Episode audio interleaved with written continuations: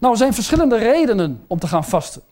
We kunnen de opdracht krijgen om te vasten, bijvoorbeeld via een oproep van de gemeente, hè, om gezamenlijk te bidden en te vasten. Dat kan bijvoorbeeld zijn voor een ernstige zieke, voor een zendeling, voor een nieuw gebouw of gemeentegroei. Dat kan van alles zijn. Nou, het is belangrijk dat u tijdens deze periode van vasten ook af en toe bij elkaar komt om voor elkaar te bidden en elkaar te bemoedigen. Het is niet makkelijk om langere perioden te vasten, helemaal niet als je dat in je eentje doet. Nou, daarnaast kan de Heilige Geest op ons hart leggen om te gaan vasten. Het vasten wordt dan een stuk eenvoudiger. Want je doet het omdat God het persoonlijk door zijn Heilige Geest op je hart heeft gelegd. En je kunt dan op de een of andere manier meer discipline opbrengen en het vasten wordt hierdoor gemakkelijker. En dat is ook de reden waarom bijvoorbeeld een zendeling het drie, vijf of tien jaar in de rimboe kan volhouden, terwijl dat voor een ander onmogelijk is.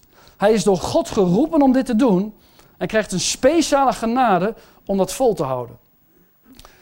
Nou, daarnaast, en dat is een heel belangrijk onderwerp vandaag, een onderdeel van deze boodschap, vasten brengt goddelijke openbaringen.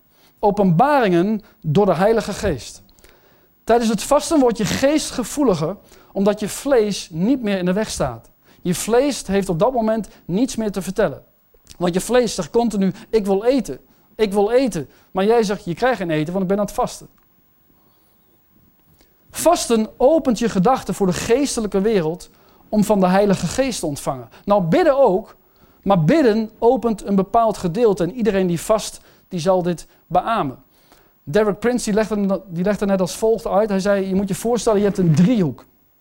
En in dit driehoek, daar kun je bidden en de Heer loven en prijzen en van alles verwachten en geweldig prijs de Heer, halleluja. Hij zegt maar, in deze driehoek, daar zit nog een driehoekje. En boven in dat driehoekje, daar zitten de wonderen en de tekenen. En deze zijn alleen maar te bereiken door niet alleen te bidden, maar ook te vasten. En ik geloof dat dat waar is. Want dit is wat ik ook zelf ervaar in mijn persoonlijk leven. Nou, wanneer u voor langere tijd gaat vasten, dan kunt u visioenen verwachten. Dingen die God laat zien. Het kan zijn dat u engelen gaat zien. Het kan zijn dat Gods geest over u komt en u iets openbaart. In Daniel 9, vers 3, daar lezen we over wat Daniel deed. En daar staat: En ik richtte mijn aangezicht tot de Heere God om te bidden en te smeken in vasten en in zak en as. En vervolgens kwam de engel Gabriel en gaf Daniel een hele belangrijke openbaring. Nou, in Daniel 10, daar vastte Daniel 21 dagen en kreeg hij van dezelfde engel Gabriel de grootste openbaring uit het Oude Testament wat betreft de eindtijd. Een hele belangrijke openbaring dus. Nou, dit gebeurde nadat hij de Heer had gezocht met bidden en vasten. Als u al anderhalf jaar op een antwoord wacht van God. Als u al anderhalf jaar wacht op genezing. Als u al anderhalf jaar wacht op een doorbraak in uw leven. Ga vasten. Ga vasten. Laat zien dat u het meent. Laat zien dat u er maximaal voor wilt gaan. Laat zien dat u er alles voor over hebt om van God te horen. In Handelingen 27, vers 21, daar lezen we dat Paulus al een lange tijd zonder eten was. Waarom? Omdat ze aan het vasten waren. Ze waren namelijk hij en andere gevangenen in een schip op zee. En ze dachten dat ze zouden vergaan. Het had al een aantal dagen was het noodweer en een zware storm. En ze aten niets. Ze gingen bewust vasten om van God te horen. En wat zegt Paulus? In vers, vers 22 tot en met 25. Daar staat: Houd moed, want het leven van niemand van u zal verloren gaan. Want deze nacht heeft een engel van God bij mij gestaan. En hij heeft gezegd: Wees niet bevreesd, Paulus. Houd moed. Want dit vertrouwen heb ik op God dat het zo zal gaan als mij gezegd is. Dat is wat de engel zei. In vers 44 lezen we de bevestiging. Daar staat: En zo geschiedde het dat allen behouden aan land kwamen. Ze gingen vasten om van God te horen. En God stuurde een engel die hen een openbaring gaf en hen bemoedigde. En ze kwamen allen behouden aan land aan. Halleluja. Dan in Handelingen 13, vers 2 en 3. Daar kregen vijf leiders, bestaande uit leraren en profeten, nadat ze samen hadden gevast, een openbaring van de Heilige Geest, die hen vertelde dat ze Barnabas en Saulus, later Paulus, moesten uitzenden. Nou, dat is wat wij vandaag nodig hebben. Openbaringen van de Heilige Geest. Derek Prince, die vastte acht jaar van zijn leven. Nou, iedereen weet hoeveel invloed deze man gehad heeft en nog steeds heeft. Hij leidde een vastend leven en ontving hierdoor veel openbaringen van de Heilige Geest. En toen ik erover nadacht, toen dacht ik, wauw, deze man heeft 10% van zijn leven gevast. Is dat niet geweldig? Wat een bemoediging. Nou, sommige mensen denken dat als ze gaan vasten, dat ze gelijk openbaringen krijgen, engelen gaan zien, dromen en visioenen ontvangen. Maar dat is een misvatting. Want eerst komt de strijd. Er ontstaat een gevecht van het vlees tegen de geest. Nou, als de geest overwint, dan laat God van zich horen. Dat is over het algemeen de volgorde. Ik zeg niet dat u, als u een dag gaat vasten, dat u dan niet gelijk iets kunt ontvangen. Dat kan. Maar over het algemeen is de volgorde eerst de strijd overwinnen en dan gaat u van God horen. Ik vond het zo bijzonder. Ik vast een keer 14 dagen en op de negende dag kreeg ik een geweldige ervaring met de Heer. Ik was in mijn kamer, ik hield stille tijd en ik hield mijn handen zo voor mijn ogen, ik was aan het bidden. En opeens ervaarde ik dat mijn hele kamer letterlijk vervuld werd met de heerlijkheid van God. En ik dacht, wauw. En gelijk daarna, op dat moment, ervaarde ik heel duidelijk, heel sterk, dat vanaf mijn haren tot mijn tenen ik zelf ook compleet vervuld werd met de heerlijkheid van God, met de Heilige Geest. En het enige wat ik nog kon doen vanaf dat moment, was de Heer alleen maar loven en prijzen. Ik kon de Heer alleen maar aanbidden. Ik kon alleen maar zeggen, dank u Heer. En huilen, ik moest huilen, ik hield niet meer op. Tranen over mijn wangen. Ik was in de heerlijkheid van God gekomen. Ik had een troonervaring. En het was alsof de hemel open was gegaan. En alsof ik in de hemel was gekomen. En daar relatie had met God. Onvoorstelbaar. En uit het niets, op dat moment, sprak de Heilige Geest. En ik, hoor, ik hoorde de stem net zo duidelijk als u nu mijn stem hoort, alleen dan hoor je die stem van binnen. En hij zei, je kunt nu alles vragen wat je maar wilt. Is dat niet bijzonder? Denk daar eens over na. Je kunt nu alles vragen wat je maar wilt. Nou, als je aan de hoogste God, de schepper van hemel en aarde, de God die ons gemaakt heeft, alles kunt vragen wat je maar wil. Als hij dat tegen je zegt, persoonlijk, dan krijg je ook overal antwoord op. Op iedere vraag die je stelt. Dan ga je alles ontvangen wat je vraagt. Dat besefte ik me op dat moment niet. Maar ik had wel een vraag, een belangrijke vraag op dat moment. Want we waren net in die periode bezig om een huis te kopen. En we wisten niet of we een huis wilden kopen of een, een stuk grond wilden kopen en daar een huis op laten bouwen. Nou, we hadden wat te besteden, maar we wisten eigenlijk niet wat we wilden en wat we zouden moeten uitgeven. Want we wilden hierin gehoorzaam zijn. We wilden uitgeven wat God wilde dat wij gingen uitgeven. Want God kent de toekomst. En misschien kun je een paar honderdduizend euro meer uitgeven, maar wie zegt dat je dat in de toekomst nog steeds kunt betalen? ook hierin wilden we compleet de wil van God zoeken. En mijn vrouw Ellen die had eerder een droom gehad van de Heer, waar de Heer een bedrag had laten zien. En als je dromen en visioenen krijgt of profetieën, dan uh, wij willen altijd een bevestiging. Want mensen roepen tegenwoordig van alles. En je kunt een keer iets dromen, maar dat hoeft niet altijd van God te zijn. Maar wij geloofden dat, dat dit van God was. En ik had nu de kans om een hele duidelijk antwoord, een bevestiging hierop te krijgen. Dus ik vroeg aan de Heer, ik zeg dat bedrag wat Ellen heeft gedroomd, is dat het bedrag wat we maximaal moeten uitgeven aan ons nieuwe huis? En ik kreeg onmiddellijk antwoord. En God zei ja, dat is het bedrag wat jullie maximaal moeten uitgeven aan jullie nieuwe huis. Is dat niet geweldig? Is dat geen bemoediging? Halleluja. En God heeft ons ontzettend gezegend. Uiteindelijk hebben we een huis gekocht. We zijn binnen dit budget gebleven. En het is echt een grote zegen. Nou, mensen zeggen vaak, ja maar Henk, jij bent een spreker en je hebt de tv-bediening. Dat is alleen voor mensen zoals jij. Onzin. Onzin. Dit is voor ons allemaal. Vasten en openbaringen ontvangen. Dit soort openbaringen is voor iedere christen, voor ieder kind van God. Nou, ik wil nog een stukje lezen, heel belangrijk. Matthäus 17. Matthäus 17.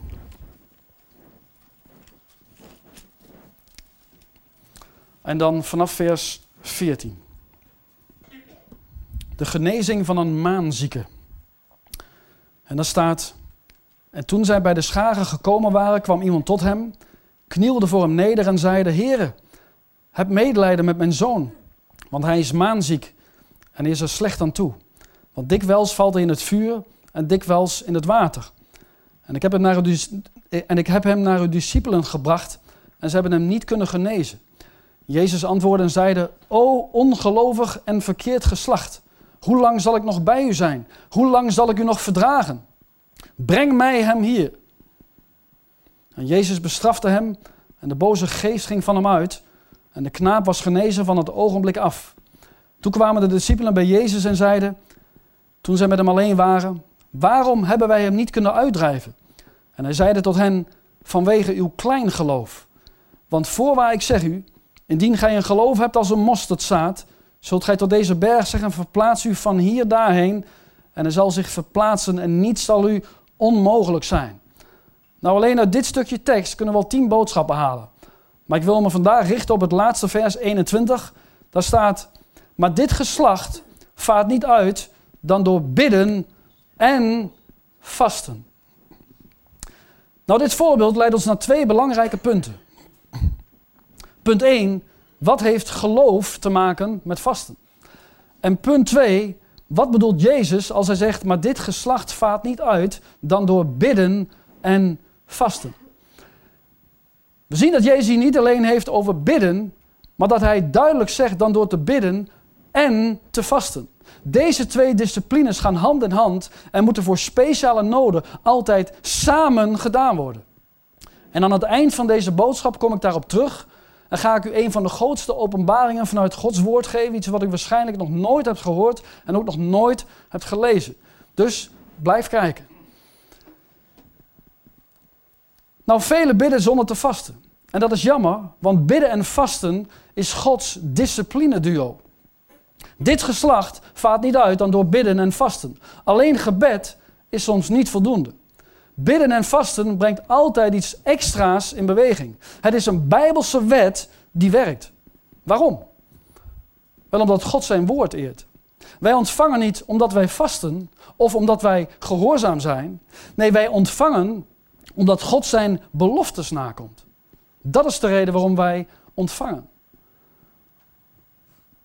In Jesaja 45, daar belooft God ons dat de zon opgaat en ondergaat. Nou, dan zegt hij ook niet van, ja, je bent gisteren ongehoorzaam geweest, vandaag moet je maar met een zaklamp aandoen. Nee, de zon komt gewoon weer op. Maar het vasten en hierin gehoorzaam zijn, zet wel iets vrij wat zich kan gaan manifesteren. Iets wat God al heeft gegeven. Nou, het is natuurlijk wel belangrijk dat je het met je hart doet en om de juiste redenen. Nou, vasten in de tijd van Jezus was heel normaal. Al vanaf de tijd van Mozes werd er gevast in de Joodse levensstijl. En sommige mensen zeggen misschien, ja, maar Henk, dat was voor toen, niet voor nu, want de discipelen vasten ook niet. Dat klopt. U kent uw Bijbel redelijk. Maar dat had een reden. In Marcus 2, vers 18 tot en met 20, daar lezen wij het volgende. Daar staat, en de discipelen van Johannes en de fariseeën hielden hun vasten. En ze kwamen en zeiden tot hem, waarom vasten de discipelen van Johannes en de discipelen van de fariseeën wel, maar uw discipelen niet? En Jezus zeide tot hen, kunnen bruiloftsgasten dan vasten terwijl de bruidegom bij hen is? Zolang zij de bruidegom bij zich hebben, kunnen zij niet vasten. Er zullen echter dagen komen dat de bruidegom van hen weggenomen is en dan zullen zij vasten te dien dagen. Met andere woorden, in de periode vanaf de hemelvaart tot aan de opname van de gemeente. Nou, Jezus antwoordde hier met een gelijkenis. De bruidegom is Jezus. De bruiloftsgasten zijn de discipelen van Jezus over wie de vraag ging. De tijd dat de bruidegom, bruidegom bij hen is, is de tijd van Jezus zijn bediening op aarde. De tijd dat Jezus bij zijn discipelen was. De tijd dat de bruidegom van hem weggenomen werd, vond plaats tijdens de hemelvaart en duurde totdat de bruidegom terug gaat komen. Nou, tot die tijd zal de kerk, u en ik, als een bruid wachten op de bruidegom. Dit is de tijd waarin we vandaag leven en waarvan Jezus helder en duidelijk zegt, en in die dagen, vandaag, zullen zij vasten. Vandaag in onze tijd is het vasten een teken van waarachtig discipelschap als christen. Een opdracht die Jezus dus zelf heeft gegeven. Nou, Jezus was zelf ons grote voorbeeld. Hij werd na zijn doop in de Jordaan door de Heilige Geest naar de woestijn geleid om 40 dagen te vasten. Dat kunt u lezen in Lucas 4, vers 1 en 2. Nou, opmerkelijk is dat Jezus de woestijn inging vol van de Heilige Geest, maar dat hij terugkeerde in de kracht van de Heilige Geest. De kracht van de Heilige Geest die Jezus ontving tijdens zijn doop kwam pas volledig tot uiting nadat hij had gevast. Vasten was de laatste voorbereiding waar hij doorheen moest voordat hij zijn geweldige bediening hier op aarde kon beginnen. Nou, de Bijbel zegt dat alles mogelijk is bij God. Jezus heeft dat ook bewezen in zijn bediening. Als mensen levensbedreigend ziek zijn, kan een arts niets meer doen. Alleen Jezus kan nog wat doen. Halleluja. Vasten helpt het onmogelijke mogelijk te maken. Nou, hier hebben we geloof voor nodig. Geloof is een geestelijke kracht, een bovennatuurlijke kracht. De Bijbel zegt in Hebreeën 11, vers 6 dat we zonder geloof God niet welgevallig kunnen zijn. Geloof zorgt ervoor dat God iets gaat doen. Het zorgt voor actie. Ongeloof stopt de kracht van God. Want alles gebeurt door geloof. In Hebreeën 11, vers 1 lezen we: Het geloof is in de zekerheid der dingen die men hoopt en het bewijs der dingen die men niet ziet. De Bijbel zegt: Wie in de zoon van God gelooft, heeft eeuwig leven. In Marcus 11, vers 24, daar lezen we: Daarom zeg ik u, al wat gij bidden begeert, geloof dat gij het ontvangen hebt en het zal geschieden. Het probleem is vaak dat ons vleeselijk denken in de weg staat. En daardoor komen er twijfels. Nou, door te vasten wordt je geloof sterker en je ongeloof minder. Waarom hebben wij hem niet kunnen uitdrijven? En Jezus antwoordde: vanwege uw klein geloof. Daar zit een diepere boodschap in. Gelukkig zei Jezus niet omdat ik God ben en jullie niet. Gelukkig zei hij dat niet. Nee, hij gaf een oplossing. Dit geslacht, deze boze machten, vaart niet uit dan door bidden en vasten. De discipelen waren er nog niet klaar voor om deze demon uit te drijven. Er was voorbereiding nodig om uiteindelijk de overwinning te behalen. Nou, Jezus dreef eenvoudig demonen uit. Maar er was een lange weg voorgegaan van bidden en vasten om dit mogelijk te maken. Nou, demonen herkennen angst, ongeloof, of je dicht bij God wandelt en of iemand kracht of autoriteit bezit. Ze zijn in staat om dingen te waarnemen. En als u daar meer over wilt weten, dan kunt u naar onze website gaan, henkvanzon.nl. Daar hebben wij een boodschap. Hij die in ons is, is meer dan die in de wereld is. En deze boodschap gaat over boze geesten en demonen, hoe Jezus daarmee omging en hoe wij daarin moeten staan. Nou, in Handelingen 19, vers 15, daar lezen we over een paar geestenbezweerders die ook demonen wilden uitdrijven omdat ze dat Paulus hadden zien doen. Nou, dat hebben ze geweten. In vers 15, daar staat, maar de boze geest antwoordde en zeide tot hen, Jezus ken ik en van Paulus weet ik, maar wie zijt gij? En het gevolg was dat deze geestenbezweerders gewond en naakt op de vlucht sloegen. Want ze hadden geen autoriteit over deze demonen. Nou, ik hoorde het waargebeurde verhaal van een voorganger die werd gevraagd om een demon uit te drijven uit een jonge man. Het was nog een tiener. En dat was op verzoek van de ouders die door hadden dat er iets niet in orde met hem was. En de voorganger die wandelde eigenlijk wat nonchalant naar binnen in zijn slaapkamer en die dacht, och, dat regel ik wel even met dit knaapje. Maar het ging iets anders dan dat hij verwacht had. Want deze jongen was echt bezeten van demonen. Deze jongen manifesteerde en er sprak een stem door hem heen. En de voorganger begon te bidden en deze demon te bestraffen in de naam van Jezus, exact zoals het hoort. Maar toen begon deze demon de voorganger uit te lachen. En hij zei: Jij bent te vol, jij bent te vol, jij hebt niet gevast, jij hebt geen autoriteit over mij. Nou, de voorganger wist dat wat deze demon zei de waarheid was. En hij ging weg, want hij besefte dat hij niets kon doen. En hij vertelde de ouders dat hij over drie dagen terug zou komen, nu raadt het al. Hij ging drie dagen de Heren zoeken, met bidden en vasten. En toen kwam hij terug. En de jongen zat op zijn kamer en wist, van niets. En de ouders vertelden dat de voorganger er weer was. En op het moment dat hij de deur opende, begon de demon te schreeuwen.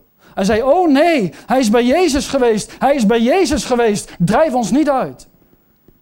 En dat is de kracht die vrijgezet wordt door het vasten. En de jongen werd bevrijd en gaf zijn leven aan Jezus. Een goed voorbeeld van een doorbraak en een overwinning in Jezus' naam. Amen. Nou, Jesaja 58, vers 11 zegt dat de Heer ons voortdurend zal leiden en ons krachtig zal maken. In Jesaja 58 vers 6 dan zegt God, is dit niet het vasten dat ik verkies? De boeien der goddeloosheid los te maken, de banden van het juk te ontbinden, verdrukten vrij te laten en elk juk te verbreken. En vers 8 zegt dan, dan zal uw licht doorbreken als de dageraad en uw wond zich spoedig sluiten. Uw hel zal voor u uitgaan. De heerlijkheid des Heren zal uw achterhoede zijn. Als gij roept, zal de Heere antwoorden. Halleluja. Met andere woorden, als men vast, kunnen er verslavingen verbroken worden. Verslavingen als roken, verslavingen als porno, verslavingen als drank, games, internet, eten en noem maar op. Als wij vasten, zal onze wond zich spoedig sluiten. Dus vasten brengt genezing voort. Nou, het recentste voorbeeld wat ik hierin heb meegemaakt, is met onze eigen dochter Deborah. Twee weken geleden werd ze een beetje grieperig. Zij is nog maar twee jaar, ze wordt binnenkort drie. En daardoor was haar weerstand heel laag geworden. En dit was gaan slaan op haar tandvlees. En op een gegeven moment, na een aantal dagen, ontdekten wij dat haar tandvlees, we deden zo haar lipje naar boven. En toen zagen we dat dit zeer ernstig ontstoken was. Het was helemaal donkerrood. En als we een stukje brood gaven, of wat gewoon zacht is, en als ze dat in de mond wilde stoppen, want ze had natuurlijk honger, omdat ze al vijf dagen niet gegeten had. En dan zei ze, oh, het doet pijn. Dus ze kon eigenlijk niet meer eten van de pijn. En toen we dit ontdekten, heb ik er niet lang over nagedacht. Ik ben gelijk de auto gepakt. Ik heb haar meegenomen. Ik heb Ellen meegenomen. We zijn naar het ziekenhuis gegaan. Ik dacht, daar kunnen ze ons helpen. Maar helaas, ze konden niets voor ons doen. We werden doorgestuurd naar een huisartsenpost. Maar ook daar konden ze eigenlijk niets voor ons doen dan ons een receptje geven met een medicijn waar ik niet achter stond en wat ik ook niet heb toegepast. Nou, de volgende dag in mijn stille tijd, toen legde de Heer op mijn hart om voor deze situatie vijf dagen maximaal te gaan vasten. En ik ben er onmiddellijk mee begonnen. En diezelfde middag was ik wat onrustig. En toen sprak de Heilige Geest op me en hij zei, bel de tandarts. En dat heb ik gedaan. Had ik nog eigenlijk niet eerder aan gedacht. Ik heb de tandarts gebeld, ik kreeg een assistent.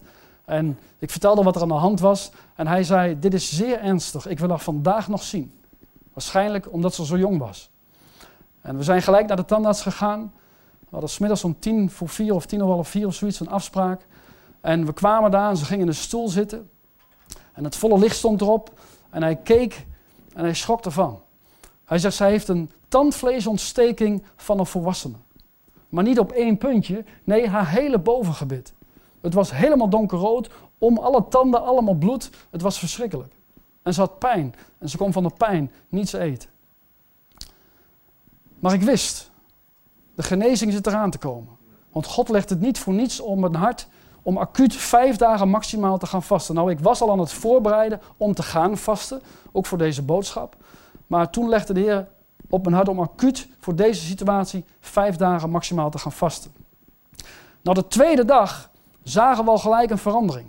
Het tandvlees was minder rood, een paar stukjes brood kon ze voorzichtig eten. En op de vierde dag van mijn vasten kwam de doorbraak. En at ze vier boterhammen, een kopje soep en ook nog een bakje macaroni. Wel, halleluja. En nadat ik vijf dagen gevast had, had ze totaal geen problemen meer. Ze kon alles weer eten en de pijn was verdwenen. Halleluja, glorie aan God. Ik denk dat de tijd gekomen is dat het vasten weer terug moet in de gemeente. Vasten om het onmogelijke mogelijk te maken. Vasten om het onmogelijke te zien gebeuren. Vasten om zieken te zien genezen. Vasten om gemeentes te zien groeien. Vasten om doorbraken en overwinningen te zien op ieder gebied van ons leven. Amen. Nou, ik denk dat het grootste probleem in Nederland is gebrek aan kennis. Anders zou er zeker meer gevast worden in Nederland.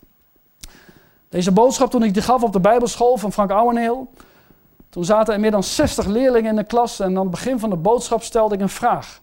En ik zei, wie vast er wel eens met regelmaat één of meerdere dagen? En niemand stak de hand op. En daar zien we wat voor een ondergesneeuwd onderwerp dit is. En hoe erg dit eigenlijk is. Als we zien wat vaste inhoudt en wat het doet en waar het goed voor is.